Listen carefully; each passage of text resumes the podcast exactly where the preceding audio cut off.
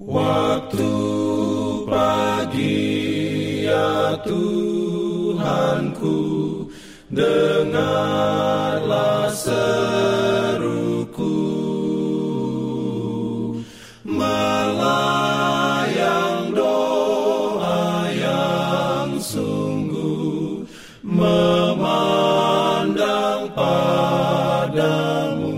Selamat pagi pendengar Radio Advent Suara Pengharapan. Mari mendengarkan suara Tuhan melalui tulisan pena inspirasi Agama yang bersinar. Renungan harian 19 Agustus Dengan judul Tarik aku dari jalan kejahatan Ayat inti diambil dari Amsal 2 ayat 12 sampai 14 Firman Tuhan berbunyi supaya engkau terlepas dari jalan yang jahat, dari orang yang mengucapkan tipu muslihat, dari mereka yang meninggalkan jalan yang lurus, dan menempuh jalan yang gelap, yang bersuka cita melakukan kejahatan, bersorak-sorak karena tipu muslihat yang jahat.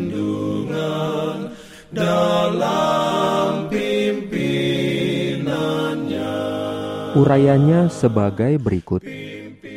Sejak kejatuhan Adam telah menjadi mode dunia untuk berbuat dosa. Dalam hati yang tidak dibarui terdapat kasih terhadap dosa dan kecenderungan untuk membela dosa itu dan memaafkannya. Lazimnya keinginan untuk berdosa menunjukkan delusi jiwa.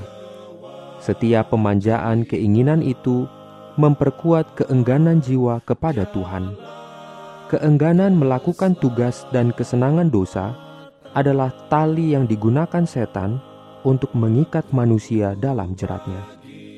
Dengan melihat kita menjadi berubah, meskipun dibentuk menurut gambar penciptanya, manusia dapat mendidik pikirannya sedemikian rupa sehingga dosa yang dulu dibencinya akan menjadi menyenangkan baginya. Saat dia berhenti berjaga-jaga dan berdoa, dia berhenti menjaga benteng hati serta terlibat dalam dosa dan kejahatan. Pikiran direndahkan dan tidak mungkin untuk mengangkatnya dari kerusakan ketika sedang dididik untuk memperbudak kekuatan moral dan intelektual dan membawanya tunduk pada nafsu yang lebih kasar. Perang terus-menerus melawan pikiran duniawi harus dipertahankan, dan kita harus dibantu oleh pengaruh pemurnian kasih karunia Tuhan yang akan menarik pikiran ke atas dan membiasakannya untuk merenungkan hal-hal yang murni dan suci.